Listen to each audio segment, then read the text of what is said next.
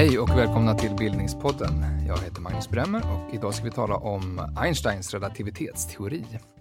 Jag har två gäster med mig här i studion på Stockholms universitet. Ni får presentera er själva. Ja, jag heter Sören Holst. Jag är teoretisk fysiker verksam då vid fysikinstitutionen här vid Stockholms universitet. Ehm, jag jobbar mycket med undervisning. Mitt huvudområde inom fysiken är allmän relativitetsteori. Jag har skrivit en bok, en introduktionsbok till den speciella relativitetsteorin.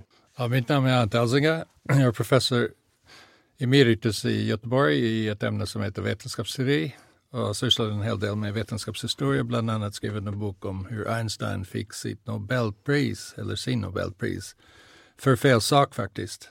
Han fick inte det för relativitetsteori. Varmt välkomna hit. Tack. Ska vi börja med att förklara vad relativitetsteorin är för? Ja, alltså först kanske man ska klara att det, det finns faktiskt två relativitetsteorier. Du nämnde dem i presentationen. Ja, precis. Den, den speciella relativitetsteorin då och den allmänna relativitetsteorin. Och båda står Einstein bakom? Båda står Einstein bakom. Um, och det som förenar de här två, det är att de båda handlar om rummet och tiden och rummet och tidens struktur. Mm. I den speciella relativitetsteorin så visar Einstein att eh, rum och tid är sammanvävda och måste betraktas som en enhet. Eh, det är därför man ofta talar om rumtiden i de här mm. sammanhangen. Och i den allmänna visar han sedan att denna rumtid då eh, dessutom är krökt. Han visar nämligen att eh, för att förklara fenomenet gravitation så eh, måste man införa krökning hos rumtiden. Vi får anledning att återkomma till det där. Men lite bakgrund först, Ant. Kan du säga något ja, om när, när historien pratar vi nu? Ja, vi pratar 1905. Det var en berömd artikel som Einstein skrev. Han skrev faktiskt fyra olika artiklar, men den här handlar om eh, relativitetsteori där han utvecklade här synen på rum och tid. Men om man går tillbaka lite i historien, då fanns det faktiskt tidigare också relativitetsteori, eller man kan säga relativitetsprincip, hur man rör sig mellan olika plattformar som rör sig med en, en konstant hastighet. Och det kallar, Galileo på 1600-talet var inne på det, att man kan använda samma matematik och eh, fysikens lagar ska vara ungefär samma i de här två olika uh, referensramar som rör sig. Ungefär som, ja, är det något som Einstein utgår från? Ja, delvis gör han det, för att uh, det var ett problem med det, för att det, det passade inte om man uh, tog in elektromagnetik, alltså Maxwells ekvationer som var i slutet på 1800-talet, som innebär då att ljuset, att ljuset uppför sig inte på det där, uh, vad ska vi säga, sätt som man hade väntat sig enligt Newtons mekanik. Mm. Ja, alltså, går det att förklara varför relativitetsteorierna då blev så banbrytande? För det kan man väl ändå säga att de var? Ja, alltså de, de, de gör ju upp i väldigt stor utsträckning med den newtonska världsbilden och den newtonska bilden av rum och tid. Um, alltså Newton talade om rum och tid som absoluta och med det menade han att de påverkas inte av något som händer i rummet och tiden. Eh, till exempel, tiden menade han, den var universell, den tickar på lika för alla. Eh, och så vi åldras med nödvändighet lika snabbt. Mm. Och så vidare. Eh, men då i den speciella relativitetsteorin så visar Einstein att eh, så där är det inte alls utan när man rör sig med eh, mycket höga hastigheter och det betyder i de här sammanhangen hastigheter nära ljusets hastighet. När man rör sig med mycket höga hastigheter då blir rummet och tidens egenskaper, det blir viktigt att tänka på andra egenskaper hos rummet och tiden som kommer in då. Mm. Tid, tiden kan eh, då till exempel gå olika snabbt beroende på hur man har rört sig. Är det här som är krökning? Nej, det, det, här, det som jag sa nu, det är egentligen bara att eh, det är, den, det är, det är i den eh, speciella relativitetsteorin att eh, ett resultat av den är att tiden kan gå olika snabbt beroende på hur man rör sig. Och sen i den allmänna tillkommer idén om att rummet eh, och rumtiden är krökt. Mm. Ja, vi ska gå in ännu mer i detalj ja. på själva teorin. Men om, det kallas för den moderna världens födelse, apropå banbrytande. Ja, det... det är ganska stora ord. Va, va, vad menar man då? Ja, på ett sätt eh, om man jämför då med i historisk tid. Eh, Copernicus tror jag att de flesta känner till. Han som menar då att jorden flyttar sig kring solen och inte tvärtom. Uh, och sen Galileo tog upp det och hamnade i husarrest uh, på grund av att uh, kyrkan inte accepterade det här att jorden, att, att solen flyttade. och jorden flyttade runt den. Jorden skulle vara en naturlig hem och det är människans plats liksom. Och den ba, det var en banbrytande utveckling där, som går tillbaka då och bryter mot Aristoteles som menar allting har sin naturliga plats och det fanns absoluta mm. platser. Uh, och det, det liksom bröts. Man fick en slags relativ uppfattning om det. När det gäller Einstein, uh, jag, jag har varit i Schweiz och uh, satt mig på tågstationen i Bern och jag tycker det är roligt i hans bok då, eller hans artikel Eh, ifrån 1905. Där säger han, okej okay, jag sitter här och tittar på min klocka, det är klockan sju ska tåget komma in och den ska komma på van fem. Men när den har landat där och min klocka säger sju, det är inte samma tid, utan det finns två nu. Alltså det finns en nu som är kopplad till tåget och det är en nu som är kopplad till min klocka här och nu där jag sitter.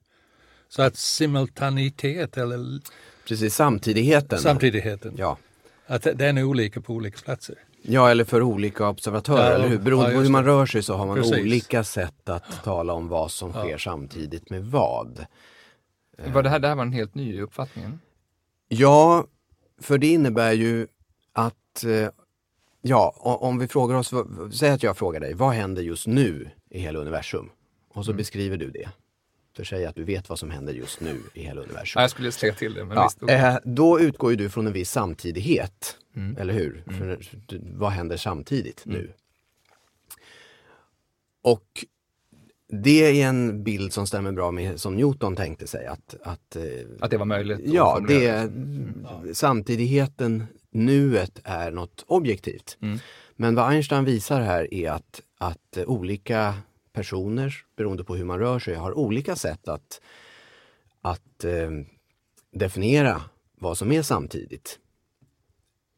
Mm. Vilket gör att rumtiden delas upp på olika sätt i rum och tid av olika observatörer. Det låter ganska filosofiskt snarare än matematiskt. Men... Ja, alltså det blir ju en filosofiskt viktig konsekvens för att vad man, den slutsats man måste dra av det här det är ju att det som existerar det är inte nuet.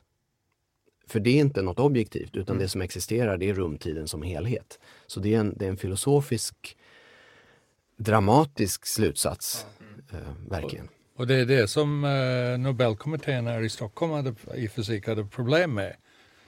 Arrhenius till exempel menar att eh, det här är ingen eh, fysisk teori, det här är kunskapsteori. Det är där vi är tillbaka till filosofi. Ja, alltså. det. det. var en av anledningarna.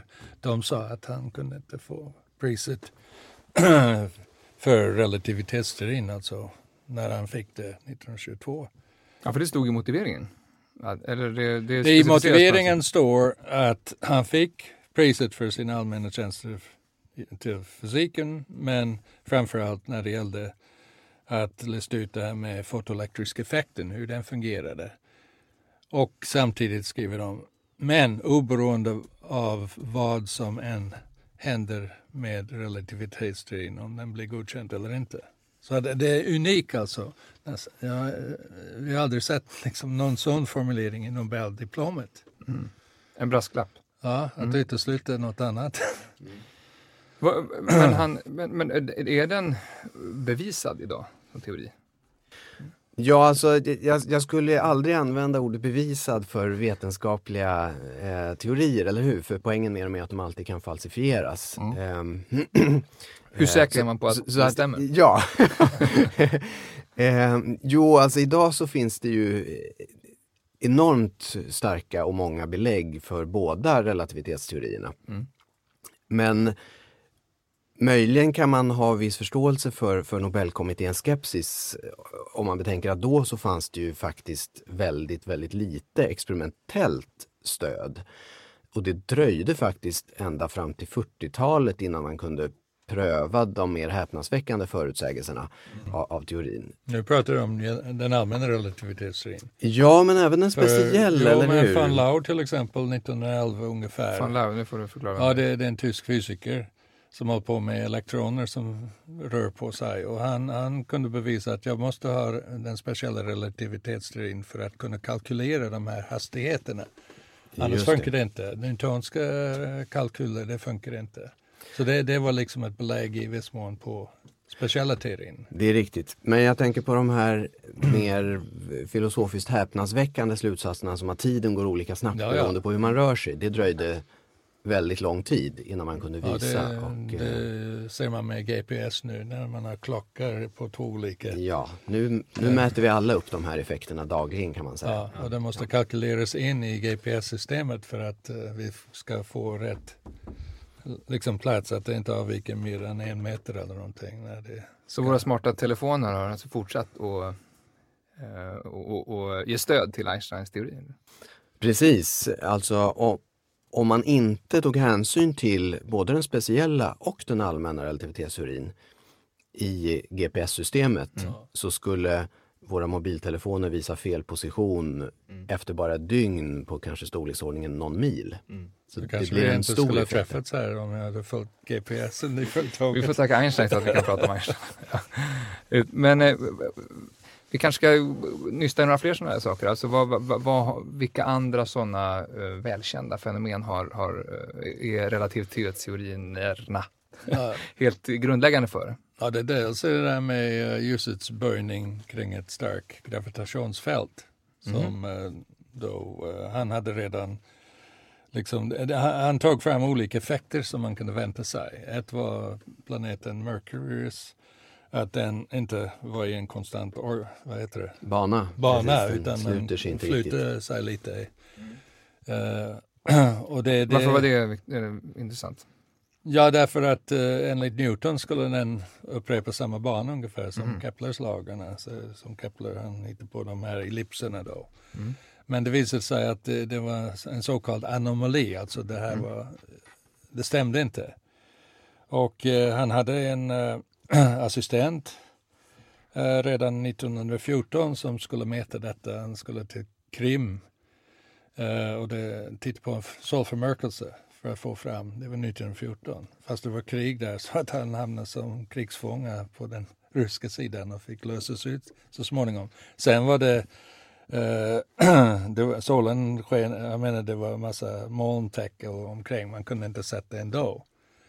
Så det var inte förrän 1919 som uh, Eddington som astronom, uh, han var på Afrikas kust och gör en, tittade på en solförmörkelse och sen var det någon annan i Brasilien som tittade på samma solförmörkelse och då, då jämförde de förmörkelsen, tittade på stjärnorna bakom solen och jämförde den bilden, fotografin, med samma bild de gjorde på natten mm.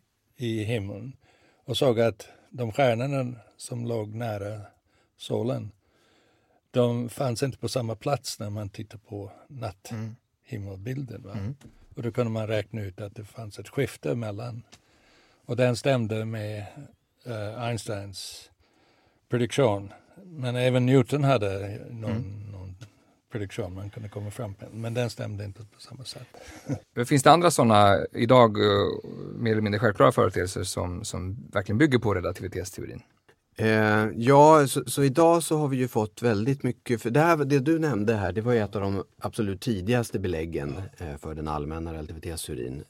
Eh, men idag har vi ju oerhört många fler belägg. Dels så um, förutsäger den allmänna relativitetsteorin massa egenskaper hos, hos, hos uh, svarta hål och mm. neutronstjärnor som man idag har kunnat liksom eh, verifiera som man använder sig av också kunna, för att kunna sluta sig till att det finns neutronstjärnor och svarta mm. hål i universum. Um, och det med gravitationsvågorna? Precis, gravitationsvågorna upptäckte man här om året. Det är ja, också en förutsägelse från, från Einsteins teori. Vad var det i korthet? Ja, alltså Eh, Einsteins teori förutsäger att, att när det sker en våldsam eh, gravitationell händelse i universum, En till exempel, när, eller till exempel när två svarta hål kolliderar, som det var i det här fallet, eh, då bildas det en sorts vågor i själva rumtidskrökningen som sprider ut sig med ljusets hastighet från det ställe där det sker. Och eh, Någon de slags kan man, ripples på engelska kallar man det. precis, precis, krusningar i rumtiden Ja, som man kan detektera med extremt känsliga instrument. Och det lyckades man göra häromåret. Det här Men- med svarta, svarta hål, hur hänger det ihop med Einsteins teori? Är det, vad, vad han bidrags... Ja, alltså den allmänna relativitetsteorin eh, förutsäger att det finns svarta hål och talar om vilka egenskaper de har. Ett svart hål är alltså en stjärna som har brunnit klart och sedan kollapsat. Mm. Men då, kände man till svarta hål före Einstein? Ehm, ja, jag tror att det faktiskt finns en motsvarighet hos, hos, eh, i Newtonsk teori, men, Mm. men de... eh, Ja, inte på samma sätt. Men nej, det- inte på samma nej. sätt. Så att, eh, det- väl- nej, det- det, var med var Einsteins när, teori som... när liksom att gravitationskraften är så stark, alltså äh, gravitationsfältet omkring, så att ljuset inte når ut ur hålet längre. Och hålet liksom är, ja, det är ett sätt att prata om det egentligen också. Va? Ja. Eh, en, en annan sak som eh, många känner till, det är ju Big Bang Ja, förstås. just Det. är ju en viktig förutsägelse från den allmänna rela- Ja. relativitetsteorin. Som ju också är, är faktiskt grunden för en hel vetenskapsgren, nämligen kosmologin. Ja, just det. Bygger helt på den allmänna relativitetsteorin. Så det, den har Kosmologi verkligen är? bidragit till. Ja, kosmologin är helt enkelt läran om, om eh, universum och världen. Hur skulle du definiera Ja, kosmologi? Alltså om universum expanderar eller om det krymper eller om det pulserar. Eller om vi bor på skalet av en sköldpadda. Ja, just det. Eh, Det är kosmologin, alltså ja, läran om universums, universums beståndighet och sådär. Mm. Och sen kommer man in på mörk materia och allt det där också delvis. Va? Absolut, mörk massa- materia och mörk energi. Det är ett, men det är ett annat kapitel som leder Det är ett långt. annat Men avsnitt. Visst, absolut. Mm. Men eh, varför, det här är ju en teori som väldigt många kan eh, namnet eller namnen på kanske till och med, eh, utan att ha en aning om vad själva teorin går ut på, eller kanske inte så mycket i alla fall. Varför är det en så känd eh, teori? Ja, den, den är ju känd för att den är väldigt viktig och grundläggande för hela vår världsbild skulle jag säga. Ehm, så snarare kan man ju fråga varför innehållet inte är mer känt. Mm. Eh, sen är det ju givetvis känd också för att Einstein var en så märkvärdig person Det förstås. till hans person väldigt Ja. mycket. Och han med yviga håret och liksom ser ut som en, eh, vad, man tänker sig är en, ett geni. Jag tror inte på att det finns genier utan de skapas. De, de geniala, geniala personer finns. Men det är också omgivning och miljön i vilket de verkar som gör att de delvis kan göra vad de gör. Men alltså han var väldigt ovanlig. Han var vä- väldigt frispråkig, han var socialist, han var pacifist, han kom på kanten med politiker i, i Tyskland Mm. och eh, han hade bra kontakter med kollegor i Frankrike så efter kriget, han var en av de första som besökte Frankrike, alltså 1918. Eh, och sen när han kom tillbaka till Tyskland och i Vetenskapsakademin, folk ville inte sitta bredvid honom för att det är många av de här forskarna hade skrivit på något manifest där de stödde Tyskland i kriget mot, eh, ja, alltså i det första världskriget. Va? Medan han hade skrivit på ett litet manifest som, jag tror de var tre eller fyra stycken som gick rakt emot detta och var liksom uttalade sig att vara internationalister. Så det, han var väldigt mycket, han var väldigt, eh, vad ska vi säga, kontroversiell. Mm. Och sen eh, på den tiden median liksom hypade honom upp. Han kopplades till jazz, han kopplades till dekadans och att eh, det finns inga, alla liksom grundläggande värden i samhället håller på att urarta. Relati- Det var liksom det, ban, det banbrytande över honom som, som ja och det, Ja, det relativa. relati- allting är relativa. Mm.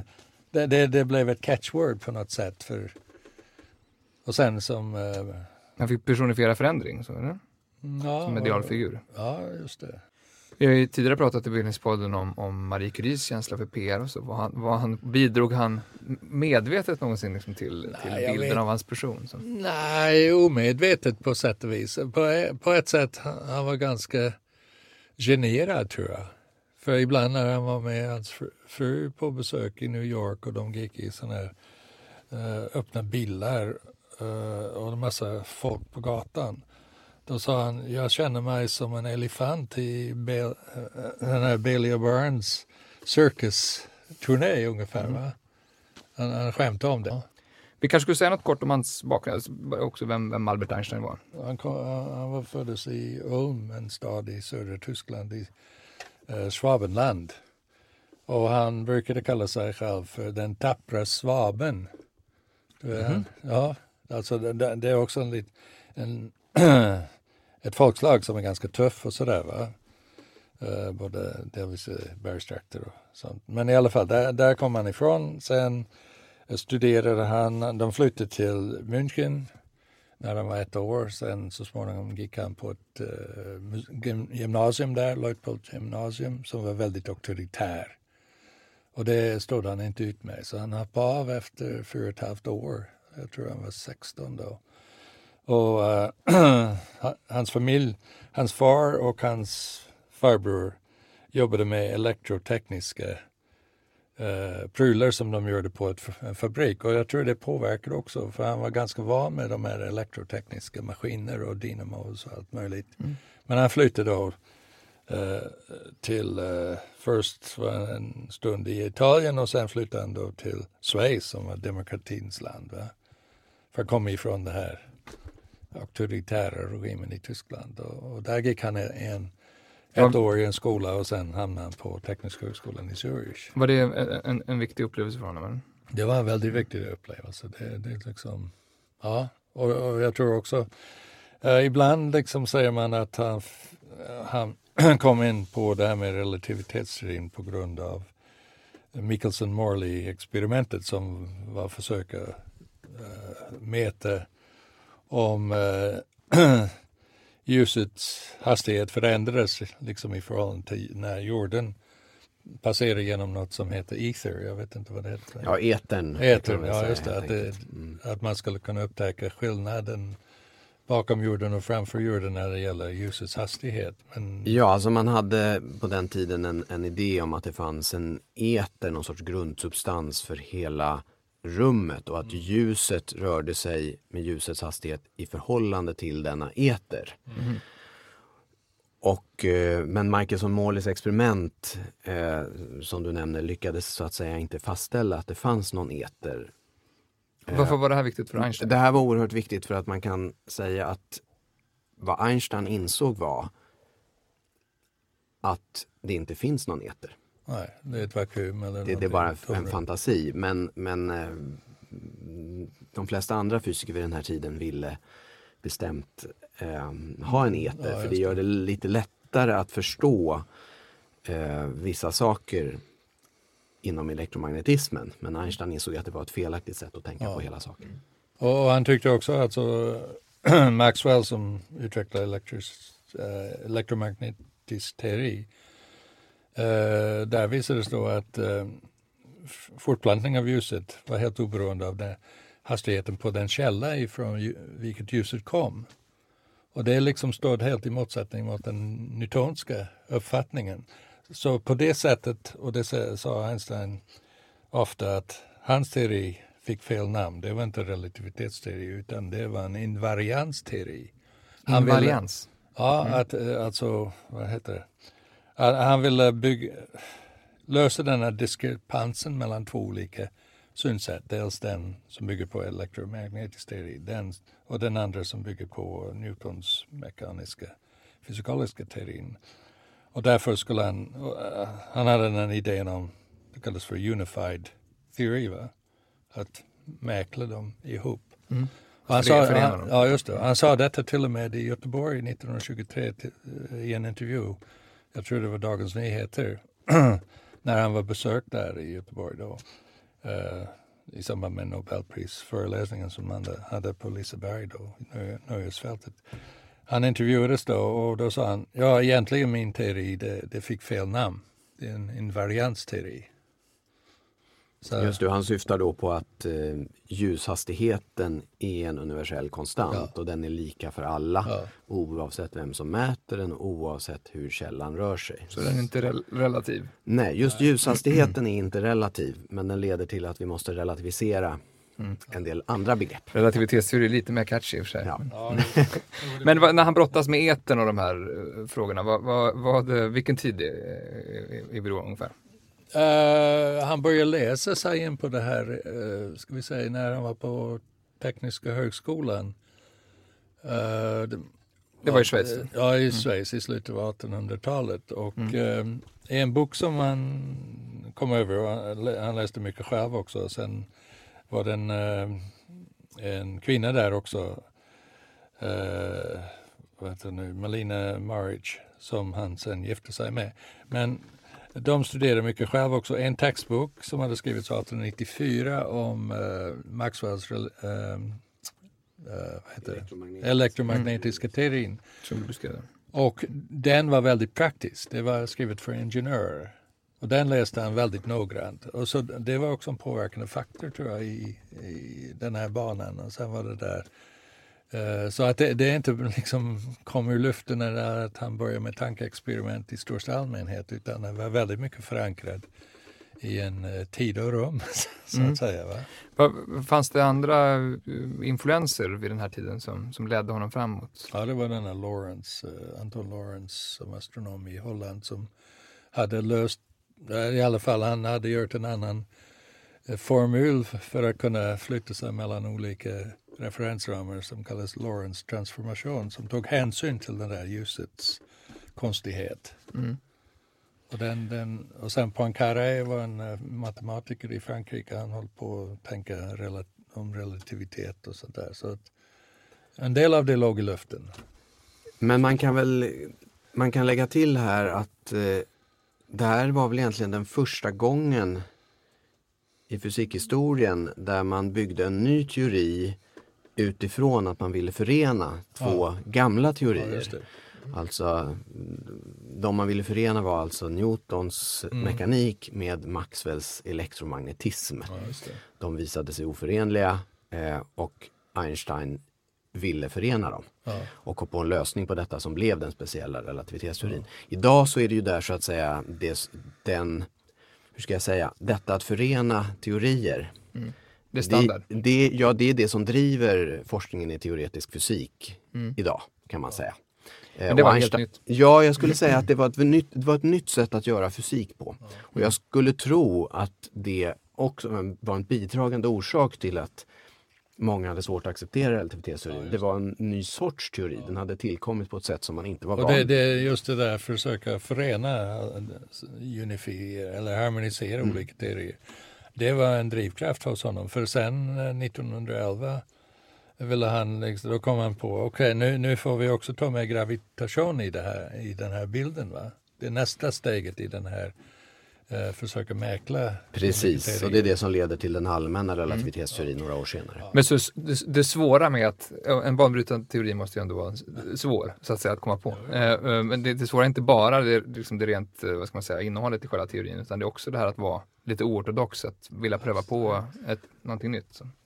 Den här konflikten mellan Newtons teori och eh, elektromagnetismen den blir, mm, den blir akut först när man talar om väldigt, väldigt höga hastigheter, hastigheter nä nära ljusets.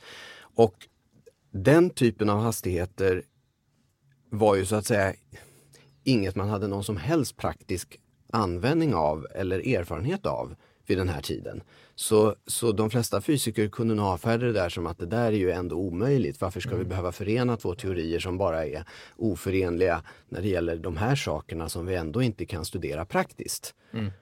Eh, så därför tror jag många var ointresserade av det. Men Einstein insåg att det spelar liksom inte så stor roll att vi inte i praktiken kan eh, få saker att röra sig med, med sådana här höga hastigheter teorierna, om de gör anspråk på att vara goda teorier så ska de kunna hantera mm.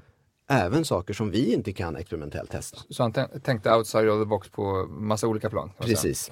Och när kommer liksom genombrottet för honom? Då? 1905 presenterade han teorin med i den här Ja, det är första och sen 1911 då utvecklade han den här, eh, vad ska vi säga, principen om ekvivalens och tänkte sig att om man Ja, men jag tänker före 1905, när- före han presenterar eh, Ja, 1903 då, då presenterade han ett papper i Bern på uh, Berns eh, eh, vad heter det, fysiska sällskapet, alltså naturforskarsällskapet.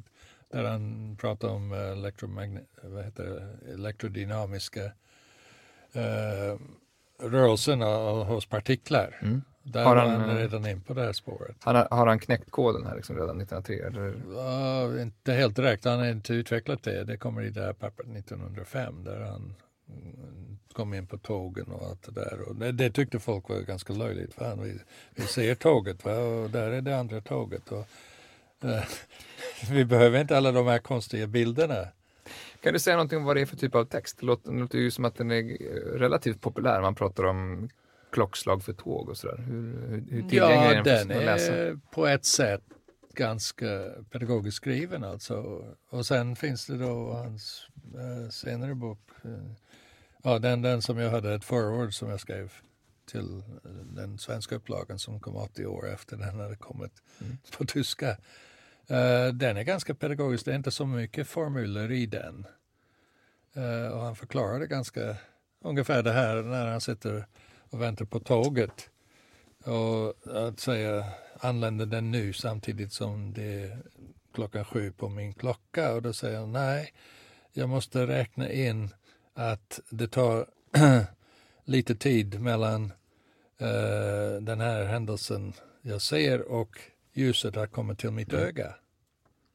Och så på det sättet säger han redan in, vi måste räkna in ljusets hastighet. Mm. Och det, det utvecklar han sen. Hur uppmärksammad blev den här artikeln 1905? Ja, inte så mycket i början. Den publicerades i eh, en tysk tidskrift, Annalen der Physik. Eh, men sen plockades den upp rätt snabbt efter fyra, fem år. Sen var andra fysiker och, som berömde honom för det. Och sen började den här utvecklingen med ja, elektron, elektroner som flyter på sig. Och den började användas då Mm. i praktiken av en del fysiker. Men det tog lite tid. När började Einstein bli liksom berömd för, Ja, det är 1919. vad hände då? Just det, ja precis. Så det, det var ju egentligen efter att han hade lagt fram den allmänna relativitetsteorin och när man slutligen eh, då gjorde de här solförmörkelseexpeditionerna där man kunde testa hans påstående om hur, eh, hur ljusets väg skulle vikas av när det passerade Mm. nära solen på grund av rumtidens krökning helt enkelt i närheten av Mm. solen. Går du på något kortfattat sätt att beskriva varför den speciella kommer före den allmänna? Ja, för att den, den speciella i den speciella relativitetsteorin så är han framförallt ute efter att eh, förena Newtons teori med elektromagnetismen som vi har pratat om. Ehm, och, och det var ett akut problem vid den tiden. När han väl hade gjort det och blivit klar med sin speciella teori, då insåg han att den teori han nu hade skapat, den var oförenlig med Newtons gravitationsteori. Mm. Newton beskrev skrev ju gravitationen som en effekt av, av en kraft, eller hur? Newton säger att det är en kraft som gör att när vi släpper ett föremål så faller det mot marken och det är en kraft som gör att månen håller sig kvar i sin bana kring jorden till exempel. Men Einstein insåg att den teorin, den var oförenlig med hans speciella relativitetsteori. Så han hade alltså lagt fram en teori som faktiskt var oförenlig med en väldigt väletablerad teori som hade hållit i ett par hundra år. Och då är det klart att han insåg att, men vänta nu, jag måste, jag måste ta tag i, i den, den här konflikten också. Och det ledde fram till den allmänna Och relativiteten. det, det tog, 14 år senare ska vi säga då. Typ. Ja, tio år senare tio år ungefär. senare. Precis, Ja. alltså, han la fram teorin 1915 Ja. tror jag. Och sen så, så kom den här första bekräftelsen Ja, som blev så 1919. uppmärksammad i pressen 1919. Precis, precis. ja, men, men det tog honom rätt mycket tid där för han, han brottades med detta och han, han magrade till och med och han led. Och, men han hade inte den matematiska apparaten för att klara ut detta, liksom att beskriva alla de här rumtid, eh, vad heter det, continuum eller Precis, den krökta rumtiden. Alltså Ja, man kan säga att den speciella relativitetsteorin är faktiskt inte särskilt matematisk. Eh, Den kan man förstå med lite enkel algebra och den är inte knepig. Men den allmänna relativitetsteorin där han alltså ska beskriva en fyrdimensionell rumtid som är krökt. Den blir matematiskt väldigt komplicerad. Han använde tensors eller något sånt. Ja. Och, och där fick han eh, hjälp från en kompis som eh, var matematiker då, i, i Zurich. Som eh, fick honom på tapeten. Men eh, det, det finns väldigt bra beskrivet. Det finns hela Einsteins eh, korrespondens och eh, samlade verk i, jag vet inte hur många volymer, 14 volymer eller någonting. Och där, där har de gått in på eh, korrespondensen där det visar sig då att hur han brottas med den här eh, matematiken som till sist han kunde liksom räkna ut alla de här sakerna. Men innan, innan vi fortsätter med, med eh, reaktioner och efterverkningar och, och förtydliganden så vi kanske ska gå in lite mer i, i, i detalj. Den här formeln som är så, som många har sett tror jag åtminstone, är, är lika med MC upphöjt till Ja. Hur, eh, alltså vad, eh, vilken plats har den i relativitetsteorin? Ja, den hör då till den speciella relativitetsteorin. Och Så det är redan från, den är med Den, från kom, 1905? ja, den kommer som Precis. ett resultat ur den. Ja. Ja. Ehm, och vad den säger är att ja, det där E det är då energin och ehm, M är massan och C är ljushastigheten. Så energin är lika med massan gånger ljushastigheten i kvadrat. Ehm, vad den säger är att energi och massa är olika sidor av samma mynt. Det betyder till exempel att eh, om vi har ett föremål här framför oss på bordet som har massa så har det också energi. Och eh, om jag till exempel eh, tar mitt föremål och tillför energi till det föremålet, till exempel genom att värma föremålet, då får du ju mer energi men då får du också mer massa. Så de där hänger ihop. Och är, är, är, kan energi vara gravitation? Eller hur kommer gravitationen in? Eh, gravitationen kommer in så tillvida att ehm, fenomenet gravitation, det, det, det är så att säga det är en effekt av att eh, rumtiden är krökt och det som gör att rumtiden är krökt det är massa och energi. Massa och energi kröker rumtiden. Men det, det vi sa nu, sist här, det hör till den allmänna teorin. Så själva formeln är lika med mc kvadrat. Ja. Ha- Har bara i sig med den speciella relativitetsteorin att göra. Ehm, och eh, den, den där faktorn c i kvadrat där, det är ju då en väldigt, väldigt stor faktor för att ljushastigheten i sig själv, den är ju 300 000 kilometer i sekunden. Det är ganska snabbt om man vill göra sig en bild så Nästan, kan nästan man, 300 000. eh, om man vill göra sig en bild av det så kan man tänka sig att det motsvarar sju och ett halvt varv kring jordklotet på en sekund. Det, det är snabbt kan man säga. Precis, om man tar den hastigheten i kvadrat så blir det ju ett ännu större tal. Eh, Så, så man förstår, det, det är en väldigt enormt stor faktor där mellan omvandlingsfaktor mellan massa och energi. Och vad betyder det? Jo, det betyder att eh, även lite, lite massa motsvarar jättemycket energi. Så om jag på något sätt kan ta lite massa och frigöra den i form av tillgänglig energi, då kommer jag få mycket energi helt enkelt. Va- men eh, vi har ett vattenglas framför mig här. Ja. Eh, som du då är, är, är, är... På vilket sätt är det energi? Jo, alltså Hur, hur mycket om- energi är den här massan? Det är glas och det är Ja, lite, det är, då, det är massan multiplicerad med ljushastigheten i kvadrat. Mm. Vilket blir ett väldigt, väldigt stort tal, storleksordningen eh, 10 upp till 16 Mm. joule. Ehm, det är mycket energi. Det motsvarar säkert eh, jag kan tänka mig att det motsvarar eh, Sveriges årliga energiförbrukning Mm. eller något sånt utan att ha kollat siffrorna. Eh, eh, du frågade vilken hur, hur, mening. kan det, hur, kan det göra, hur kan det göra det? Hur kan det här vattenglaset vara eh, så fyllt av energi? Ja, eh, alltså eh, det är energi i en, i en speciell form. Den energin, ja, den energin är, är, är bunden i materian och det är inte helt lätt att göra om den där energin till energin som vi kan använda. Eh, men, men genom olika typer av processer så, så kan man göra om en liten del av den där energin. Och Mm. den, den kanske mest kända processen av det typ, den typen det är ju kärnenergiprocesser till exempel. Så om du till exempel kunde ta atomkärnorna i det här glaset och eh, formera om dem på ett annat sätt. Klyva så, och. Klyva och kanske slå ihop, men mest Mm. klyva. Ja, ehm, nej, kanske mest slå ihop när det gäller glaset. Det beror lite på vilka Mm. molekyler man har att göra med. Men eh, då skulle du kunna få ut en del av den här massan som energi. Mm. Då skulle du kunna göra glaset lite, lite lättare, att det vägde lite mindre och så skulle Mm. du få enorma mängder energi. Hur, hur mycket av det banbrytande i Einsteins tänkande i stort kan liksom eh, härledas till det här likhetstecknet mellan de här två sidorna? Alltså, Hur mycket av det relation- banbrytande? Jag skulle faktiskt inte säga så mycket om jag förstår din fråga rätt. Alltså den här relationen E lika med mc kvadrat. Den är egentligen en, en konsekvens av den här nya synen på rum och tid. Mm. Den, den, den följer ur den så att säga. Om man väl har insett att aha, rummet och tiden fungerar så här.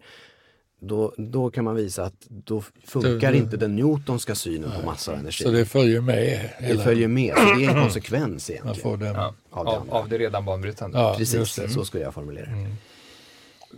Om man säger vad, vilken, om, relationen mellan eh, eh, energin och massan, vad var det framförallt som Einstein förändrade i synen på det? Även om det var en effekt av det. Det är det här med rumtiden. och- Eh, Mer allmänt, det är ett sätt att tänka sig att, att energi och massa är inte liksom två olika saker.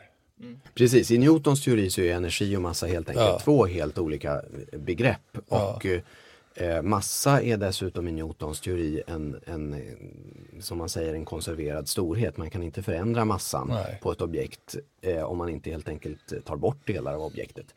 Eh, men men eh, i Einsteins teori så kan man alltså det. Eh, man kan tillföra energi och då tillför man också massa. Va, va, alltså vad är egentligen, kan, om man skulle förklara krökning som fenomen, går det att göra kortfattat?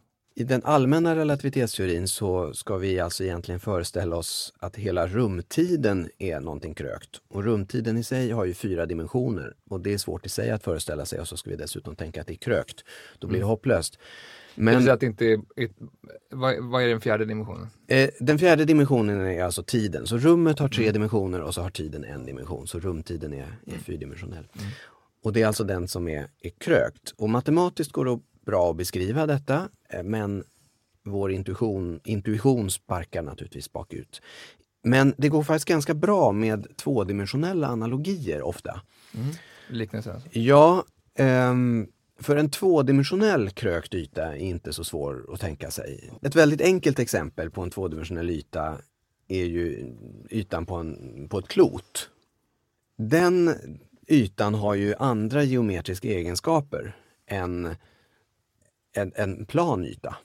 Om man till exempel föreställer dig till exempel att du startar nere vid eh, ekvatorn. Du och en kompis startar nere i ekvatorn 10 meter ifrån varandra och så går ni båda rakt norrut. Mm. Och ni går rakt fram, Mm. rakt norrut, båda två. Mm. Ni går alltså parallellt med varandra rakt fram. Mm. Då kommer ni mötas. Ja, ni har minuter, men ni kommer mötas, eller hur? Så småningom, på. Nordpolen nämligen. Mm. Om Vi ni möts båda aldrig före rakt nu. Nej, men då möts ni. Mm. Men om ni gör Vi det är här... ganska nära varandra i och för sig. Men, Ja, Mm, är precis. sak. Eh, men om ni gör samma experiment på en platt yta, då Mm. kommer ni aldrig mötas. Mhm. Då kommer ni, ni börjar gå parallellt och ni fortsätter gå rakt fram parallellt. Mm. Liksom. Så att en krökt yta och en platt yta har olika geometriska egenskaper. Banorna Mm. som man följer i de här olika sorters ytorna blir olika. Och det är så att Så säga... den krökningen på ytan är en del av krökningen som du just nu håller på att förklara? Just det, precis. Eh, på samma sätt som att klotets yta är krökt, vilket gör att banorna på ytan blir annorlunda om klotet inte hade varit krökt så att säga. Mm. På samma sätt så, så är rumtiden krökt, vilket gör att banorna i rumtiden blir eh, annorlunda än vad, rumtiden, vad, vad rumtidsbanorna hade blivit om rumtiden inte var krökt. Och det är precis det som så att säga förklarar de banor som är en effekt av gravitation. Så, så till exempel månens bana kring jorden. Mm. Eh, en, enligt Newton så är ju skälet till den att det finns en kraft mellan månen och jorden, gravitationskraften. Men Einstein säger alltså nej, det finns ingen gravitationskraft. Utan månen rör sig bara rakt fram i ett krökt rum. Mm. Men på grund av att rummet är krökt så blir resultatet den här till synes böjda banan kring jorden. Mm. Men 1919 så, så kommer då de här ganska starka bevisen för hans teori. Ja. Han, tidningarna skriver om det, han blir berömd. Ja, det... Tre år senare så får han Nobelpriset, 1922. Ja, 1922. Ja. Vad, vad, kan vi säga något om förhistorien till priset och uh, uppmärksamheten och så? Ja, först kan man säga då att uh, efter Eddington hade fått fram Uh, Arthur Eddington. Arthur, ja, just det. De säga något kort om, om... Ja, han var astronom, tillhörde Royal Astronomical Society i England. Och han, uh, han var ganska berömd. Han var quaker dessutom, pacifist Kvakar. som Einstein. Mm. Och de gillade varandra. Men i alla fall, han, när han kom hem, han, han masserade resultaten lite grann.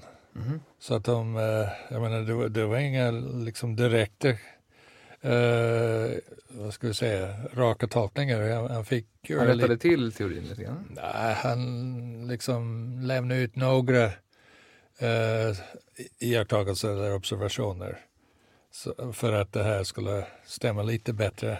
Men, men i stort sett, det liksom bekräftade det mm. som Einstein hade eh, förutsett som en, eh, en effekt. Och sen presenterades det på Royal Astronomical Society och sen blev det presskonferens och det gick till alla tidningar och det liksom hamnade i, som en rubrik i alla stora städer. Um, men och, sen, ja. Och det var startskottet för hans berömmelse. Ja, just det. Men jag har hört Einsteins. Någon, ja, för Einsteins ja, ja. precis. Men, men jag har hört något påstående om att, att eh, om man hade haft dagens standard ja. när det gällde experimentella belägg för saker och ting. Inte... Då hade den här observationen inte räknats. Nej. Man har liksom skärpt kraven för när man ja, då skulle det behövt upprepas. Det, det, det, var inte ett jätte, man kan alltså säga så här, det var inte ett jättesäkert belägg för Nej. att Einstein hade rätt. Nej. Men alla tidningar men det fick, det så. Ja, det fick genomslag. Jo, jo, och sen var det då uh, Eddington och hela Royal Society uh, Geograph, vad heter Astronomical Society, alltså det finns viss auktoritet där och mm. trovärdigheten. Och den uh, skapas då också genom här, de här institutionerna. Va? De satte sin signatur bakom detta. Mm. Och då fick det, det mycket större, till. Ja, då fick det större, större vikt. Mm. Men uh, sen, sen kom svårigheten och, och så småningom uh, Einstein hade nominerats för Nobelpriset 60 gånger. Redan före 1919? Ja, det började 1910. Han nominerades för olika saker. Bland annat 60 gånger. 60 gånger från 1910 till 1922. Ja, ända fram till priset. Av olika typer. Mm. Och eh, det blev lite besvärligt för eh, Nobelpriskommittén i fysik. För att det är liksom upprepningar hela tiden och det var väldigt framstående forskare, fysiker eh, i forskningscentra och eh, de tyckte inte, nej, det, det, vi behöver lite mer tid. Och sen var det där med rödskiftet också som inte man kunde mäta. Men så småningom, då blev det ungefär så att eh, på ett sätt, tycker jag då, det är ungefär som Dylan nu, att Nobelkommittén behövde Einstein mer än vad han behövde priset. Ja, för han, eh, det, eh, 1921 så, så frös priset in. Ja, just det. det för de kunde inte komma överens. Så det blev inget pris alls fast för att man diskuterade Einstein? Det, det, det, var liksom en ny medlem i den här eh, Nobelkommittén för fysik och han ville gärna att Einstein skulle få ett pris uh, och hade en bra argumentering för det men det hakade upp sig då mm. när det gick till uh, vad heter det, församlingen på Kungliga Vetenskapsakademin. Och så kom han igen nästa år och då var det också han, den här mannen, och sen han var intresserad i atomfysiken. Han tyckte att eh, Sverige skulle satsa eh, mycket mer på atomfysik, och, ungefär som i Danmark. Det finns, fanns Niels Bohr och det, det var liksom en väldigt bra forskargrupp. Så han såg chansen här att koppla ihop det där med fotoelektrisk effekten som Einstein hade skrivit om med Bohrs atomteori Som jag tror den kom från 1913 framåt. Och eh, det passade in i varandra på något sätt. Så då kunde han liksom få... Eh, och dessutom, eh, alltså problemet hade varit Nobelpriset för att kvalificera för den eh, tidigt i alla fall. Så du måste ha upptäckt någonting. Mm. Eller du måste ha skapat någon, en invention, en uppfinning. Men man kunde inte uppfatta det här, uh, en upptäckt, alltså Einsteins upptäckt var väldigt abstrakt och det var tankeexperiment och det var kunskapsteori delvis. Hade man svårt att förstå den? Det var svårt att förstå det. Ja. Uh, så att när det kom, det här med fotoelektriska effekten, det är mycket mer tydligt. Va? Man kan mm. visa, okej, okay, här har någon upptäckt någonting. Så, så det, det, det, det passade kriterierna. Det är det han får det i stort sett? Ja, och så det kopplades till Niels Bohr och de fick två pris 1922. Det första 1921 hade liksom lagt mm. på is. Så och, man, man delade två poäng. Ja, och så, så fick man igång atomfysiken i Sverige också. Men Einstein, eh, han, som du var inne på, han gjorde en Bob Dylan. Han, han... Ja, han var inte så där uh, entusiastisk. Han säger okej, okay, ja.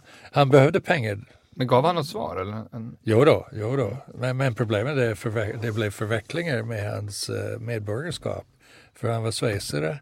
Men tyskarna ville ta äran av det fast uh, att han hade liksom varit väldigt mycket mot den tyska regimen under kriget och allting. Så jag tror att till sist var det uh, priset lämnades till den tyska ambassaden i, uh, i Stockholm som i sin tur tog den till den uh, schweiziska ambassaden som i, tur, i sin tur tog den till Einstein. Mm. Men han var inte själv eh, ovillig att ta emot? Nej, han behövde pengar också. Jag menar, han hade skilt sig från sin första fru och han hade gift sig med en kusin. Och han hade, eh, vad heter det, underhållsstöd fick han, alla, alla, vad heter alimony fick han lämna till sin fru som bodde i Zürich. Och, eh, och själva, vad heter det, den tyska marken höll på dala hela tiden. Mm. Så han var glad. Han behövde pengar. Han mm. fick mm. eh, riktiga pengar då, svenska kronor. Vad, vad möjliggjorde det för typ av forskning? Ja, det, pengarna gick till att uh, betala ett uh, hyreshus som hans ja. fru uh, hade? Som, som hade lägenheter så hon klarade sig liksom, livhanken mm. där. Han kände lite skamsen för hon hade också varit forskare från början. Fast hon gjorde aldrig klar någon, vad heter det, ja, hon blev inte färdig forskare för hon fick barn och fick lämna och sådär. Uh, men hon hade hjälpt honom delvis. Liksom, uh, han läste upp sina teorier och sina texter och så vidare. Och han hjälpte till ibland, titta på matematiken och sånt där. Mm. Och var väldigt skärpt. Så att det, det, han kände sig lite skyldig där också. Mm. Hur, hur såg Einsteins fortsatta bana ut som fysiker efter Nobelpriset? Ja. Ja, alltså han, han fortsatte ju mycket att diskutera eh, kvantfysik med eh, de kvantfysiska företrädarna, Niels Bohr framför allt. Eh, det här var något ganska nytt då? Eller? Ja, kvantfysiken kom ju precis 1925 eh, i den form vi, vi känner den idag så att säga. Och, men eh, kanske vi ska ägna ett eget avsnitt? Ja, det borde du, vi kanske göra. Men, men, vill du eh, säga någonting ja, kort om det? Alltså Einstein, man kan bara konstatera att Einstein störde sig väldigt mycket på den, på den världsbild. Den här osäkerheten i den. Han sa Gud kastar inte tärning. Fast, Vad menar du då? Ja, att, eh, vad ska vi säga, att slump. Mm. För det verkar liksom på kvantfysikens värld det dyker upp saker och ting som inte är determinerade i den här newtonska meningen med, med en, en direkt Finns det relation till kaosteori och sånt där? Nej, egentligen inte. Nej, inte men, men eh, enligt kvantfysiken så är världen fundamentalt slumpmässig i grunden och det ja. där var något som Einstein aldrig kunde acceptera. Och det fanns andra egenheter hos kvantfysiken som han heller inte kunde acceptera och som ledde till väldigt fruktbara diskussioner mm. med ja. företrädarna för kvantfysik. Så det ägnade han sig mycket åt. Eh, men sen fortsatte han ju också med att försöka förena... Ja, det, det var, han var driven av den här passionen att försöka förena teorier. Va? Mm. Just det. Och nu hans nästa projekt blev att försöka få en ännu större enhetsteori som förenade kvantfysiken med relativitetsteorin. Mm. Men det, det lyckades inte. Och sen är det det här med Manhattan-projektet, alltså framställning av ja. atombomben. Va, va, har Einstein någon del i bakgrunden till atombomben? Ja, det är att han skrev det här brevet då till uh, Roosevelt att uppmärksamma vad som höll på att hända inom forskningsvärlden och att det fanns en möjlighet med atombomben och att tyskarna också höll på att forska på det här området, Heisenberg bland annat. Som på något sätt utgick från hans forskning, eller hur? Uh, inte direkt, utan det var mer från den kvantfysiska.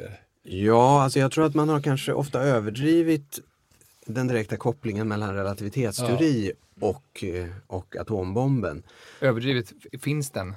Ja, den finns, det finns en koppling så tillvida att om man ska, om man ska räkna på effekterna mm. av, av, av en bomb, av en bomb mm. eh, så måste man använda sig av den ekvation vi pratade om, E mm. lika med mc kvadrat. Mm.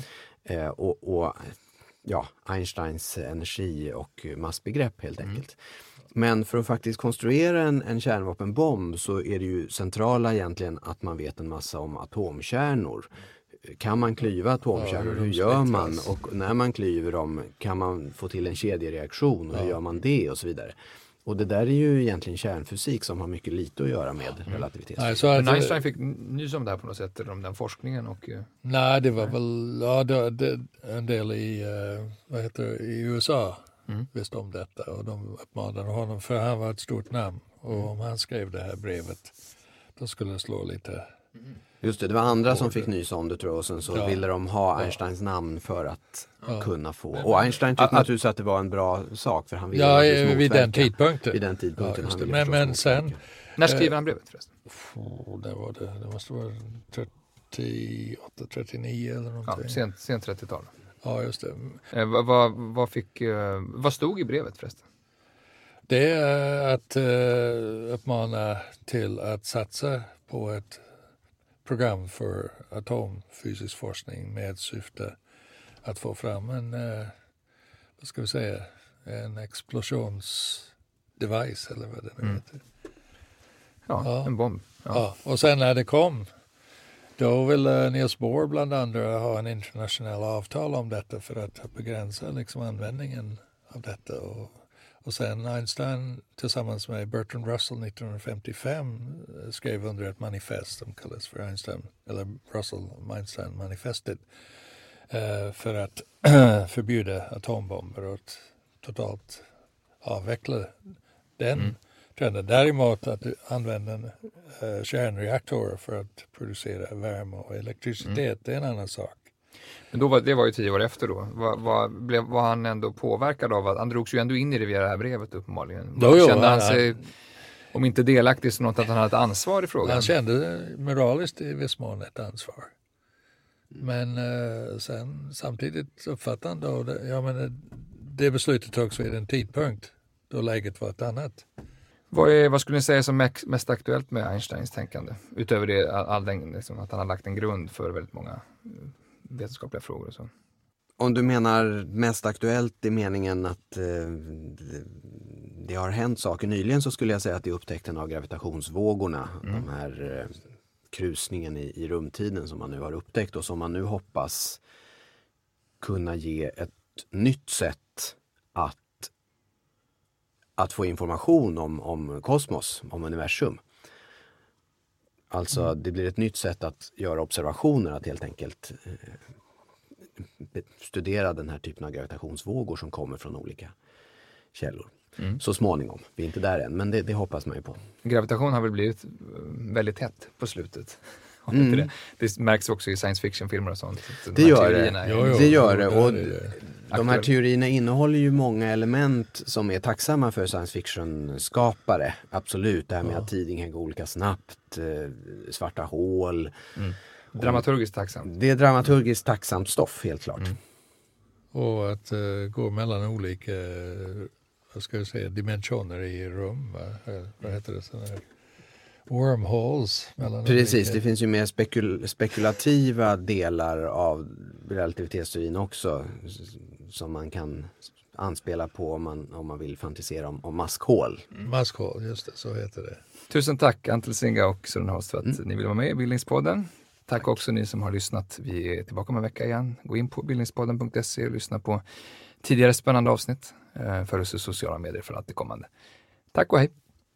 Du har lyssnat på Bildningspodden, en podcast från humanistiska fakulteten vid Stockholms universitet, producerad av Magnus Bremmer och Claes Ekman.